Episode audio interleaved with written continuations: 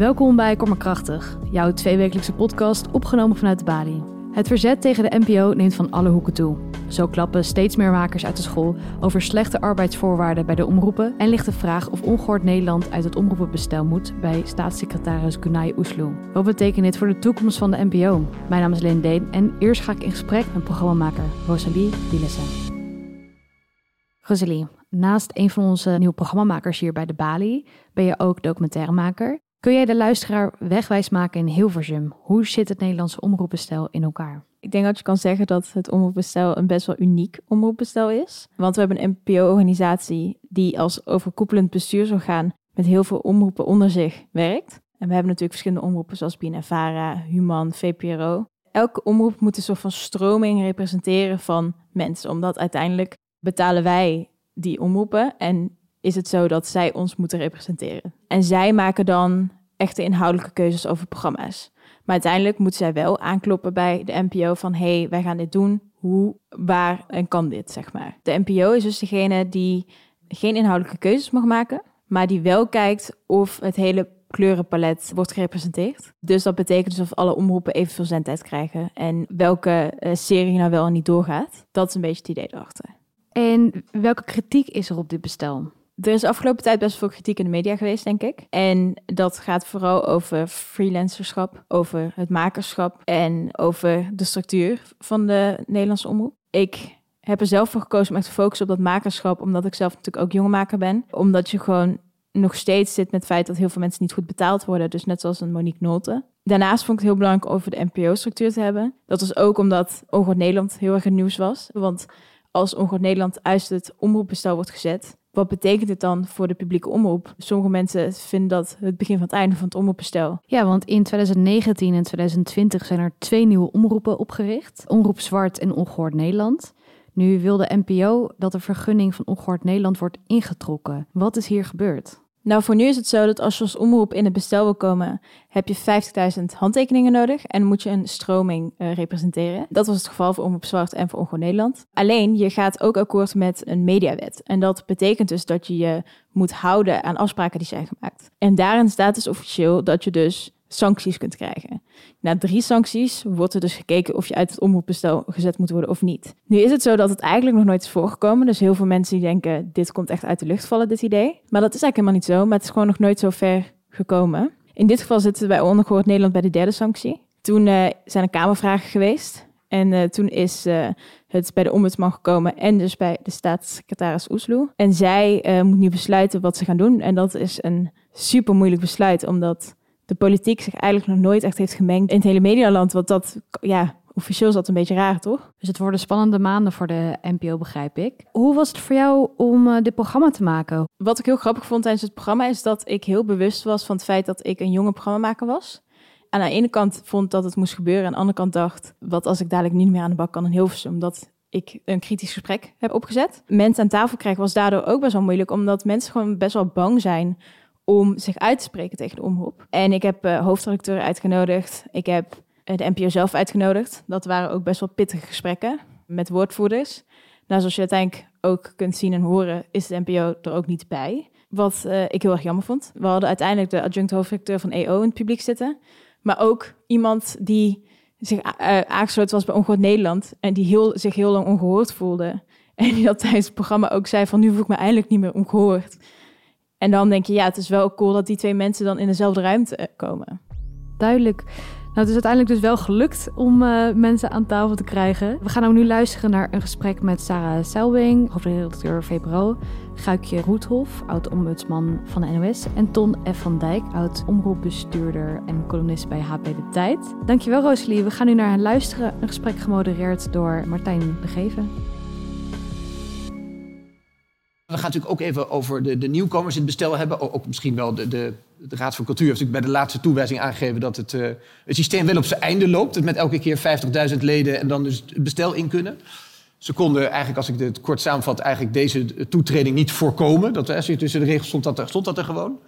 Eh, en wat natuurlijk heel opvallend is, dat als er natuurlijk nu wordt gekeken naar Ongehoord Nederland, waar enorm veel eh, klachten over binnenkomen, dan zie je ineens iets heel wonderlijks dat dan de, de, de directie doet dan, gaat er naar achter zitten en die zeggen, Dat gaat de ombudsman. Die gaat dat allemaal uitzoeken. En wat die ervan vindt, uh, En dat wordt gewoon eigenlijk gewoon zo voorlangs als een soort judo-techniek dan zo richting Den Haag. Heb jij met mededogen eh, gekeken naar jouw opvolger, eh, de huidige ombudsman? Uh, met mededogen. Of dacht je, nee, keek je met jaloezie dat je dacht, oh, had ik, vind- er maar gezeten? Nee, nee, nee, maar zij heeft fantastisch werk gedaan. De adviezen die zij heeft geschreven over eh, de, de programma's van Ongehoord Nederland... nou, petje af, die zijn heel erg goed. Het zijn ook hele lange adviezen, hè, dus je moet er ook trek in hebben om dat te lezen. Maar Vond u, de, vond u de verhouding tussen ombudsman en, en directie, vond u die in balans? Kijk, die ombudsman is er dus wel voor om te waken over de ethiek van de journalistiek. Ja. Dus de gedragsregels van, van journalisten. Dus dat is gewoon de taak van de ombudsman. En dat het dan in de eerste plaats ook daar ligt... en pa- pas in tweede instantie bij de Raad van Bestuur van de NPO... dat vind ik eerlijk gezegd gewoon logisch. Normale gang van zaken. Ja, Je hebt ook een, een, een opiniestuk geschreven in NRC en daarin gaf je eigenlijk aan... eh, gewoon sec- zo kaal mogelijk, noem ik het maar even, kijken naar de regels en de afspraken. Ze hebben de afspraken geschonden, einde verhaal. Ongehoord Nederland. ja, tot drie keer toe dus. Hè? Ja. Dus voor de derde keer. En zo Ja, ik staat het... Nee, maar ik ga je even, dan hebben we die positie, dan ga je direct vragen om dat verder toe te leggen. Want ik ga even naar het contrast, want hier zit iemand die zegt... als je dat ongehoord Nederland eruit hoort, zegt Ton F. van Dijk... dan kan dat wel eens begin van het einde zijn. Dat kan een proces in werking zetten... waarmee misschien wat hele omroepbestel richting het einde gaat. Nee, inderdaad. Kijk, eh, de publieke omroep is geen bedrijf, maar is natuurlijk een maatschappelijke organisatie. En ik had het net al over die pluriformiteit, en die is heel erg belangrijk. Als je als publieke omroep wilt overleven, zal je eh, herkenbaar moeten zijn voor heel veel mensen in de samenleving. En er is op dit moment een hele grote groep mensen die eh, zich niet meer herkent in instituties, die zijn vertrouwen kwijt is geraakt in, eh, nou ja, in de overheid, maar ook in de publieke omroep zelf.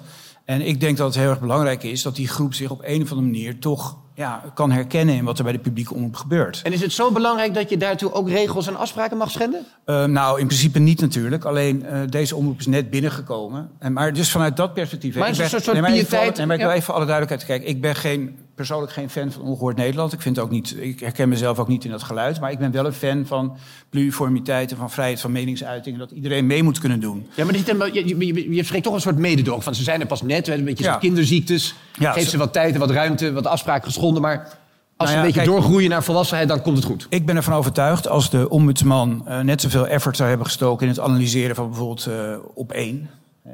Dan zou er ook uitkomen dat er heel veel mensen daar kritiekloos dingen mogen zeggen die misschien niet kloppen of niet helemaal kloppen. Of dat ze zich ook als een doorgeefluik gedragen. Dus ehm, het is ook maar net waar je natuurlijk je aandacht op richt. En ik vind het gewoon te gemakkelijk. Er is een, groep mensen die eindelijk het gevoel heeft van nu mogen wij ook meedoen aan de publieke omroep. Ja, en dan gaan er natuurlijk in het begin altijd dingen fout. Ik heb dat vaker meegemaakt, ook met beginnende omroepen. Dat, dat is best wel moeilijk. En ik vind dat je er iets meer je best voor moet doen... om uit te stralen dat je die groep er graag bij wil houden. Dat je, dat je die mensen belangrijk vindt die, daar, die daarachter zitten. En dan, Ga ik hier even, ook even parkeren, dan ga ik nu naar kom bij jou uit. Sarah. We hebben je natuurlijk op meerdere redenen gevraagd. Het is fijn dat je er ook bent. Maar een van de redenen wat ik ook een opmerkelijk feit bij jou vond... is eh, de, al, al die andere omroep-bobo's en directeuren... die hebben begint gezegd... we gaan ook niet meer met die, met die lui vergaderen van Ongehoord Nederland. En jij zit eigenlijk in een iets andere positie, hè? Klopt. Uh, eventjes hierop reageren, Ja? wat jij net zei. Kijk, het is natuurlijk zo dat inderdaad er een grote groep Nederlanders is... die zich ongehoord voelt. En iedereen zal het erover eens zijn dat we zeggen... daar moet ook een soort podium voor. En waarom niet bij de publieke omroep? juist bij de publieke Of juist bij de publieke omroep. En, uh, maar wat het zo complex maakt, en ik vind het ook moeilijk hoor. Het is, uh, daarom is het ook moeilijk om dit soort gesprekken in one-liners te doen, Mhm. want het is een hele complexe materie. Maar die groep Nederlanders die zich ongehoord voelen, die geloven in een heleboel democratische instellingen, geloven ze niet meer in. En ze hebben geen vertrouwen meer, met goed recht ook vaak hoor, maar in de politiek en in de politieke partijen en in het recht en in de rechtspraak en in de publieke omroep. En dan zou je zeggen, geef die mensen een eigen publieke omroep. Maar die publieke omroep bevraagt ook voortdurend al die democratische instellingen. En uh, überhaupt de publieke omroep op zichzelf. Dus Ongehoord Nederland, die is het heel erg oneens met de publieke omroep als zodanig. Dus wat het zo'n duivels dilemma maakt, vind ik, is dat... ja, geef ze een stem en zorg dat ze erbij blijven. Maar als je het paard van Troje binnenhaalt... of als je zorgt dat de publieke omroep die, zij, die hen vertegenwoordigt... de hele tijd uh, dat onvrede en wantrouwen en haat eigenlijk aanwakkert... Door wat te doen? Door uh, leugens te verspreiden of racisme te verspreiden... of onwaarheden uh, te verspreiden. En de hele tijd te bevragen of al die instellingen wel waarachtig zijn. Ja, Tenminste twijfel te, te, te, zaaien bij al die instituten. En, ja. ja. Ik vraag wat, dan maakt dan, wat maakt dan, want is dat die rest van die directeuren, omroepbazen...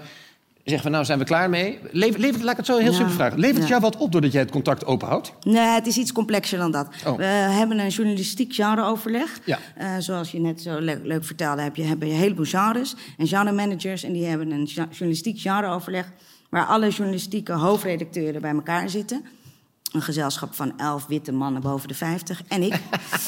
Mm, en, ehm, Dat is ook echt zoals je denkt dat het eruit ziet, ziet het er ook uit, hè? Zeker, ja. Ja. Maar goed, dus dat is eh, een punt op zich. En toen heeft eigenlijk die, die journalistieke genre manager gezegd...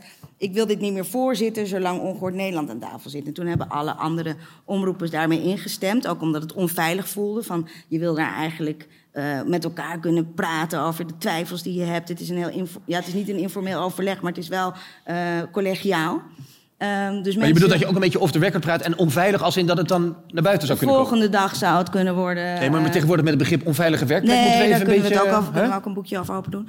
Maar, ehm, dus, nou ja, goed, kortom. De andere eh, omroep hoofdredacteuren, die zeiden allemaal... Ze, zij bedrijven geen journalistiek, dus wat doen zij in dit overleg? En ik vind, als zij eenmaal zijn toegetreden... dan moet je de spelregels spelen volgens de spelregels... zoals we die met elkaar hebben opgesteld. Ja. En zolang zij nog niet door allerlei regels hebben overtreden... want dat hadden ze toen nog niet moeten we gewoon met hen het gesprek aangaan en moeten ze erbij blijven. Maar dat heeft mij niks opgeleverd, want dat hele overleg is nooit meer doorgegaan. Nee. En, en, nu, dat is ook een knettergekke situatie. Dus het systeem draait dan door, zonder dat toch volgens mij belangrijke overleg. Want Ja, het dat was ook heel knettergek. dat? Ja, nu is er toch een manier gevonden waarop dat overleg alsnog plaatsvindt... na een half jaar stilstand en dan zonder ongehoord Nederland. Maar dat is ook heel complex. Ja. Tonne van Dijk, we spraken maar ook even voordat we hier begonnen even. Je zei eigenlijk volgens mij, ik- parafraseer een beetje, je zei eigenlijk... het zou eigenlijk heel makkelijk zijn voor Ongehoord Nederland, als je zou willen... om het eigenlijk op een manier te brengen, de informatie die ze willen brengen... maar dan binnen de spelregels.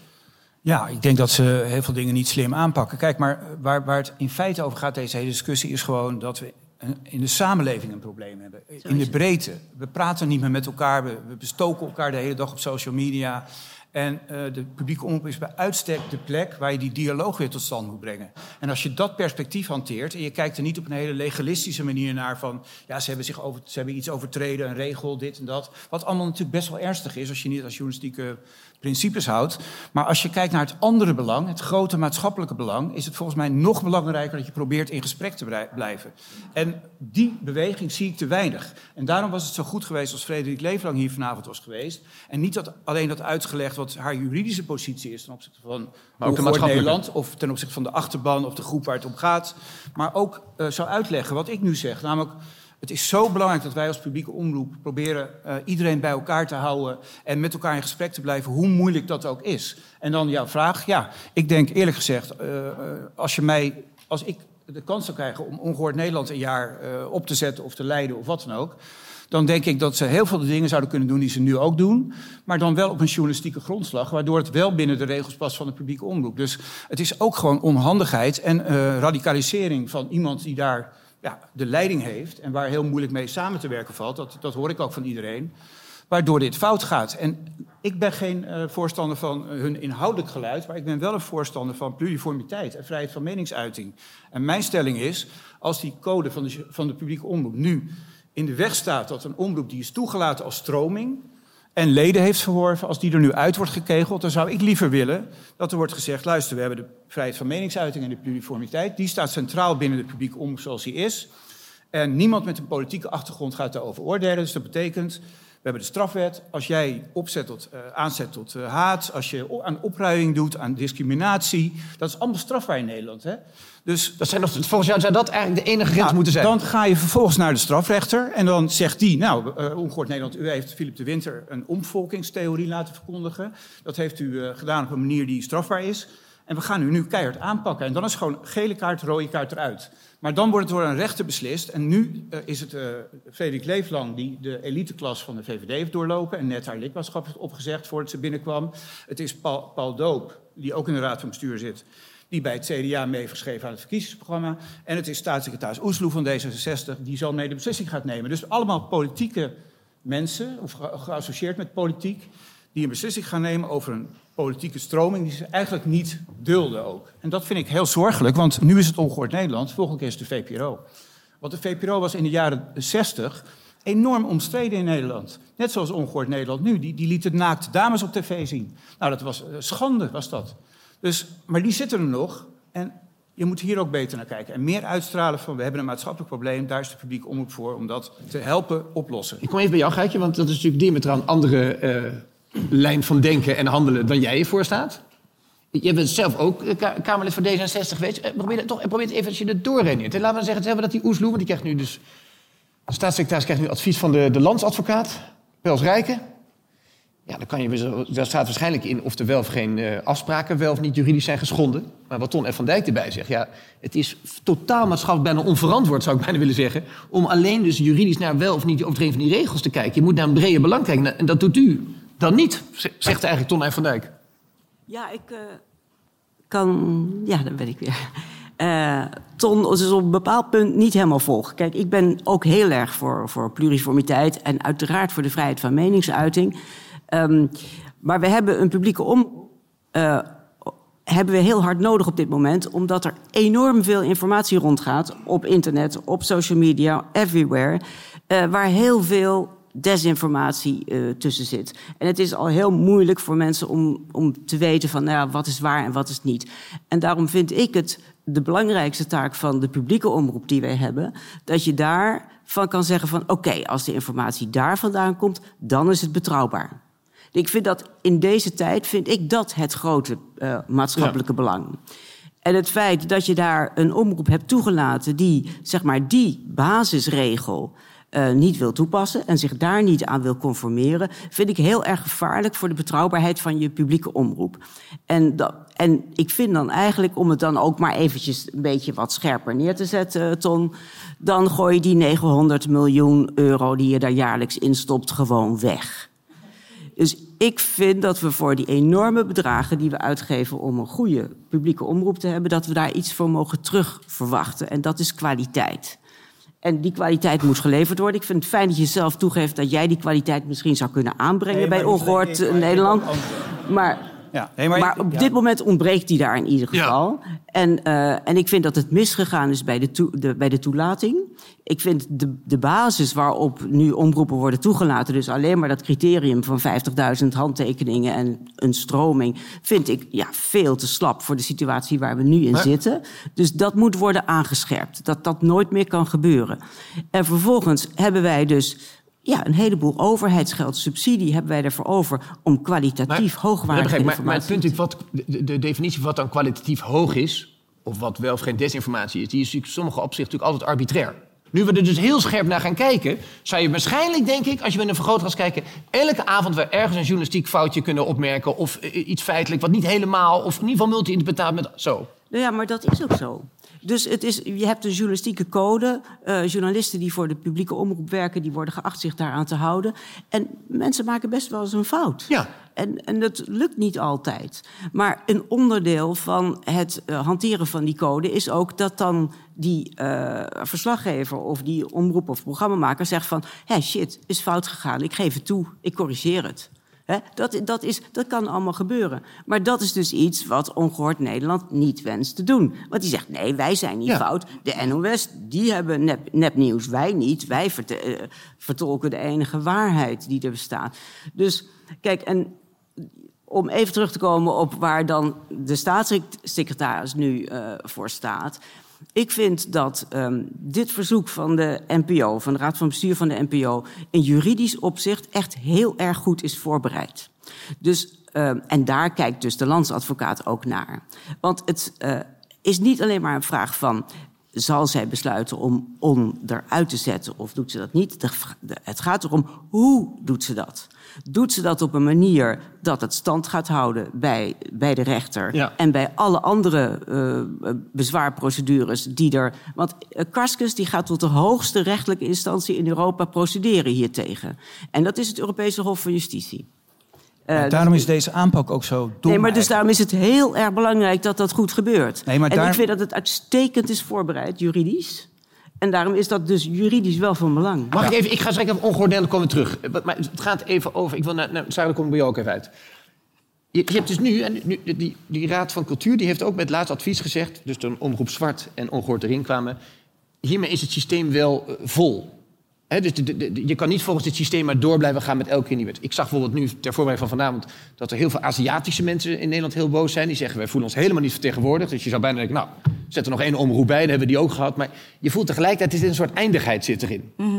Ervaar jij het ook zo dat je zegt, inderdaad...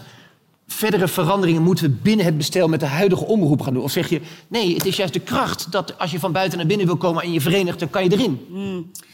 Ja, ik vind het een lastige vraag. Want ik zie wel, ik zie wel hoe ehm, inderdaad grote groepen niet vertegenwoordigd zijn. Ik vind de moslims een heel goed voorbeeld daarvan. Die werden net aangehaald. En tegelijkertijd probeer je dat natuurlijk binnen de omroepen, sommigen wat meer dan anderen, inderdaad zo pluriform mogelijk eh, aan te vliegen. En tegelijkertijd staat dat een beetje op gespannen voet, juist met de kleuring die je moet nastreven Ja. als omroep. Ik vind allerlei dingen van dit bestel. En ik vind het best een ingewikkelde, ingewikkeld bestel. En tegelijkertijd zie ik wel wat de meerwaarde van een omroep die een bepaalde groep waarden vertegenwoordigt. En een bepaalde achterban en een bepaalde maker. Want dat is natuurlijk waar ik heel erg mee te maken heb. Welke type makers voelen zich thuis bij de VPRO? Dat dat een waarde in zich heeft. En dat je ook als je niet alleen maar een productiehuis bent omdat je ge- geld moet verdienen, maar dat je ehm, om andere redenen programma's maakt en verhalen vertelt, dat dat een enorme waarde in zich heeft. Waar ik natuurlijk als hoofdredacteur heel erg tegenaan loop, is dat ik een soort schijnhoofdredacteurschap heb. Omdat daarboven allerlei mensen bij de NPO zitten. Met name tot voor kort. Ik bedoel, ik, ik heb wel het gevoel dat daar dingen aan het veranderen zijn Ja? nu. Ja, zeker. Ik ben dus een groot fan van Frederik Leeflang. En eh, ik merk, hier dat er een beetje andere gevoelens Nee, maar leg uit, dan wil ik dat gelijk wil ik ook horen. Maar waarom ben je een fan van haar? Nou ja, voor zover ik dat kan inschatten. Ik ben tegelijk met haar begonnen. Dus ik weet niet heel goed hoe het onder haar voorgangster ging. Maar ik heb, ken de verhalen natuurlijk wel goed. Even voor, eh, ik weet niet of de mensen enig idee hebben... maar ik heb zelf eh 15 jaar lang documentaires gemaakt. Dus ik ken het bestel wel al heel erg lang. En ik weet natuurlijk wel hoe, hoe het hiervoor eh, geregeld was. En Shula, en dat kwam trouwens ook vanuit de politiek... dus Shula Rijksman, haar voorganger... die was heel erg bezig met de NPO een heel sterk merk maken. En dat was eigenlijk haar voornaamste taak. En zij vond de omroepen toch een beetje een vermoeiende sta in de weg. Wat ertoe resulteerde dat, dat de omroepen eigenlijk steeds minder kleur konden eh, laten zien, steeds minder hun eigen koers konden varen, ook steeds minder macht kregen, zeggenschap, autonomie. Ja. En onder Frederik Leeflang, en ook wel mede geholpen, denk ik, door het al dan niet tijdelijk aftreden van Frans Klein, waait er nu wel echt een andere wind. Dus er wordt gesproken over meer autonomie voor de omroepen. Er wordt nagedacht over hoe je. Want het grote probleem is wanneer de omroepen geen autonomie hebben. Dat er, dan, dan slaat het systeem echt nergens op. Dan kan je inderdaad beter na gaan denken over een ander systeem. Want ofwel je hebt omroepen met een kleur en, Ja. een, en een Maar, doelstelling maar- en een achter... ik, ik, ik, ik zou niet iemand persoonlijk tegen scheen schoppen, maar soms ik werk toch wel bijna op je lachspier. En dan komt een of ander reclamebureau bij zo'n omroep bij- bij- binnen. Die bedenkt een een of andere nikszeggende quote. Er worden alle werknemers in de kantine verzameld. Dan komt de reclameman uitleggen wat, wat, wat het merk inhoudt. Ja. En dan loopt iedereen ongeveer verdwaasd de kantine uit. Dat is ongeveer dan identiteitsbepaling. Nou, dit is een fenomeen wat je in de hele samenleving ziet natuurlijk. Dat is heel zorgelijk, ja. Ja, vind ik ook. maar dat herken je wel, als ik het zo zeg. Want je gaf volgens mij ja, intussen en ook niet door- bij ons, niet bij Nee, ons. nee, nee, maar- natuurlijk niet, niet bij jullie. Nee, nee, nee, maar echt Nee, nee, niet maar bij ons. je gaf mij wel door dat het steeds moeilijker wordt om dat profiel ook echt te kunnen maken. Absoluut. Want als ik niet uiteindelijk ga over welke programma's er wel of niet doorgaan... en als ik niet ga over de koers Ja. van eh, ons pakket... en nogmaals, daar zijn nu hele goede, hoopgevende gesprekken over... waarbij het gaat over wat is jullie basispakket... hoe kan je eigenlijk de VPRO zijn en wat heb je daarvoor nodig... Dat zijn hele hoopgevende gesprekken. Want als dat niet het geval is, ik word er ook een slechtere hoofdredacteur van. Want als ik tegen jou zeg, nee, je moet dat plan nog een keer herschrijven. Ik vind het nog steeds niet goed. En ik laat jou vijf keer dat plan herschrijven. Betaald, overigens. Ehm, dan neem ik het mee als ik er tevreden mee ben. En dan zegt de NPO, nee, sorry, dat willen we niet. Dan ga ik de volgende keer natuurlijk niet vijf keer aan jou vragen om het te herschrijven. Nee. Dan denk ik, neem gewoon tien plannen mee. En God zegene de greep dat ze er één kiezen. Dus ik word lakser, onverschilliger, minder Ja. goed in mijn werk. En dat, ja, dan, dan denk ik, waar slaat dit systeem op? Want wat willen die makers? Die willen bij een omroep waar ze zich thuis bij Ja. voelen, horen... waarbij ze het gevoel hebben dat ze dezelfde taal spreken... dezelfde achterban aanspreken, dezelfde doel, doelen hebben.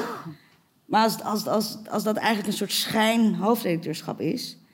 ja, dan, dan slaat het nergens op. Maar, maar, Dus maar, maar heb je dat gevoel nu? Want in feite, kijk, jij kan natuurlijk aanbieden wat je wil... maar uiteindelijk zijn er toch een paar figuren daarboven... die bepalen welk, welk VPRO Of er een VPRO-programma komt en waar en wanneer. Ja, en ik heb dus nu het gevoel dat dat heel erg aan het veranderen is. Frederik Leeflang, het eerste wat zij deed, was naar de omroepen toe gaan en zeggen: um, Ik kom voortaan naar jullie toe in plaats van dat jullie naar mij toe moeten komen. En ik voel me niet alleen verantwoordelijk voor de NPO, maar voor alle omroepen die namens die eigenlijk de NPO vullen. De NPO is een faciliterend orgaan en jullie zijn de inhoud. En dat is al een hele andere toon en, en uitspraak dan haar voorgangster deed. Maar dit geconcludeerd hebben. Ja. Kijkend ook naar het verschil tussen deze twee aan de tafel. Waar hang jij dan uit? Zeg jij, we hebben een omroep als Ongehoord Nederland gewoon nodig om die mensen te bereiken. Want al, al die andere omroepen, inclusief jij, bereiken die mensen niet. Dus met andere woorden, gewoon het maatschappelijk belang om Ongehoord Nederland ook overtredensregels erbij te houden. De, dat maatschappelijk belang zie ik niet. Nee? Nee. Nou ja, het, het, het nou, ik probeerde net uit te leggen dat ik denk dat wij zeker, en ik weet niet of het de VPRO precies is, maar dat wij zeker als publieke omroepen heel erg ons best moeten doen om die brug te slaan naar de mensen die zich ongehoord voelen. En nogmaals, niet alleen ongehoord in het publieke, bij de publieke omroep, maar die, die zich helemaal in de hele samenleving niet meer thuis voelen. En daar moeten wij programma's over maken, meemaken. Maar als je een omroep er toelaat die dat de hele tijd bevraagt en die eigenlijk de hele tijd aan het opruien is tegen alles wat publiek is en alles wat democratie is, ja, dan, dan, dan weet ik niet welk publiek belang dat dient. Tom? Nou ja, goed, ik, ik heb het net al geprobeerd uit te leggen. Als, als je vaststelt dat een van de allergrootste problemen de polarisatie is die op dit moment plaatsvindt. En dat er steeds meer mensen. Kijk, uh, die ja, maar denk jij dat ongehoord Nederland die polarisatie tegengaat? Nee, maar het gaat om het feit dat vroeger werden die mensen maatschappelijk teleurgesteld genoemd bij de publieke omroep. En ik noem ze maatschappelijk teleurgesteld, maar ook heel betrokken. En uh, niet alle mensen die voor onge uh, naar ongehoord Nederland kijken zijn nazi's of fascisten. Die zitten er zeker bij, hè, op, heel extreem op rechts. Maar er zitten ook heel veel gewone mensen bij die zich zorgen maken over alle grote problemen die er op dit moment op het afkomen. En denk je dat ze zich minder zorgen maken als ze ik denk dat Nee, ik denk dat als die groep het gevoel heeft van wij kunnen ook bij de publieke omroep terecht. Het blijkt nu dat dat instituut wat wij wantrouwen toch een plekje voor ons heeft. Dan denk ik dat ze uiteindelijk uh, meer geneigd zijn om in dialoog te blijven. En het is de makkelijkste weg om te doen wat mevrouw Roethoff zegt, namelijk de legalistische weg. Uh, juridisch klopt het allemaal, procedureel klopt het. Maar ik vind, je bent uh, ook als publieke omroep, als, als voorzitter van de Raad van Bestuur, ben je ook een soort onderwijzer die een klas heeft onder zich. En er zit een jongetje in dat de hele tijd dwars ligt en kattenkwaad uithaalt en zich niet aan de regels houdt. En wat zijn nou de goede onderwijzers die zo'n jongetje uiteindelijk toch erbij houden en zorgen dat de boel bij elkaar blijft? Nee, het en is, ik vind dat je dat, mooi pleidooi. Nee, maar ik vind dat je dat dus veel meer moet proberen. En als dan uiteindelijk de conclusie is na vijf jaar, want ze hebben een concessie voor vijf jaar, van dat lukt niet, dan ben ik het helemaal mee eens, dan moeten ze eruit. En ik vind ook, ik ben het helemaal met u eens. Natuurlijk is het ontzettend belangrijk dat ze zich houden aan journalistieke waarden en dat de publiek omroep hè, met publiek geld wordt betaald. Maar die mensen die ongehoord, zich ongehoord voelen, betalen ook belasting. En die mogen ook stemmen. En hou ze er nou bij en jaag ze niet weg en bevestig ze niet in hun wereldbeeld dat, dat er geen plaats voor hen is in, in Nederland. Dat vind ik belangrijk. Dus ik verdedig niet de inhoud, maar ik verdedig het feit dat we met z'n allen in deze samenleving nu een extra stap moeten zetten om met elkaar te proberen verder te gaan en dat de publieke omroep daar een cruciale rol in speelt. Wat is je inschatting? Gaat die Oesloe de stekker eruit trekken? Wat denk je? Jij hoort nog wel eens wat. Ja, wat ik gehoord heb, en ik heb daar ook een uh, stukje over geschreven voor HP De Tijd, maar wat ik gehoord heb, is dat Oesloe heel erg twijfelt. Uh, de, de, de, DG Media, uh, Barbara Wolfsberger, zou ook grote twijfels hebben over het, het wegsturen van Ongehoord Nederland op dit moment. En uh, het zou dus heel goed kunnen dat politiek gezien uiteindelijk wordt besloten om dat nu niet te doen. En dan heeft de Raad van Bestuur natuurlijk wel een groot probleem, want die hebben daar heel hard op ingezet. Hebben dat ook gevraagd. En ja, als het dan niet gebeurt. Ik weet ook dat de Raad van Bestuur rekening houdt met het feit dat het hen mogelijk uh, in de problemen zou kunnen brengen als dat niet doorgaat. Dus ja. dat weet ik uit zeer betrouwbare bron. Dus het is nog lang niet gelopen. En uh, ja, dat is maar de vraag hoe het gaat aflopen. Denkt mevrouw Goed, of denkt u ook wel eens dat hij ook nog van D66, dat maakt het ook wel even gecompliceerd nog, hè? Nou, dat weet nee? ik niet. Nee, nou. dat weet ik niet. Maar, maar even over wat Ton zei. Van, ja, het is net alsof je alleen maar, zeg maar een publiek kan bereiken... en alleen maar uh, verbondenheid kan, kan organiseren vanuit een publieke omroep. En dat is natuurlijk onzin. Je kan die publieke omroep juist al haast niet meer vinden... op alle social media en alle kanalen die je tegenwoordig op je smart tv hebt zitten. Dus je hoeft echt niet binnen de publieke omroep te zitten om zeg maar die verbondenheid met wat dan een stroming zou zijn. Snap je dat? Nee, dat, nee, dat pak ik gewoon niet mee. Nee, Dat, sorry, eh, maar u zei net ja. 900 miljoen gaat er naartoe van de samenleving. Ook van die mensen die zich niet gehoord voelen. Dus ik vind het belangrijk dat die mensen op een of andere manier het gevoel hebben van we worden niet meteen na een jaar er al uitgegooid en buitengesloten. Dus dat, dat is essentieel. Ja, nee, maar dus daar, ik, ik, ik, ik zie dat echt anders. Geef het hele panel een warm applaus. Dank jullie wel.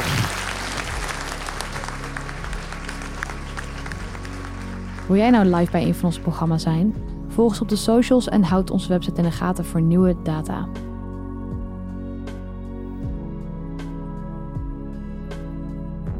Tot de volgende.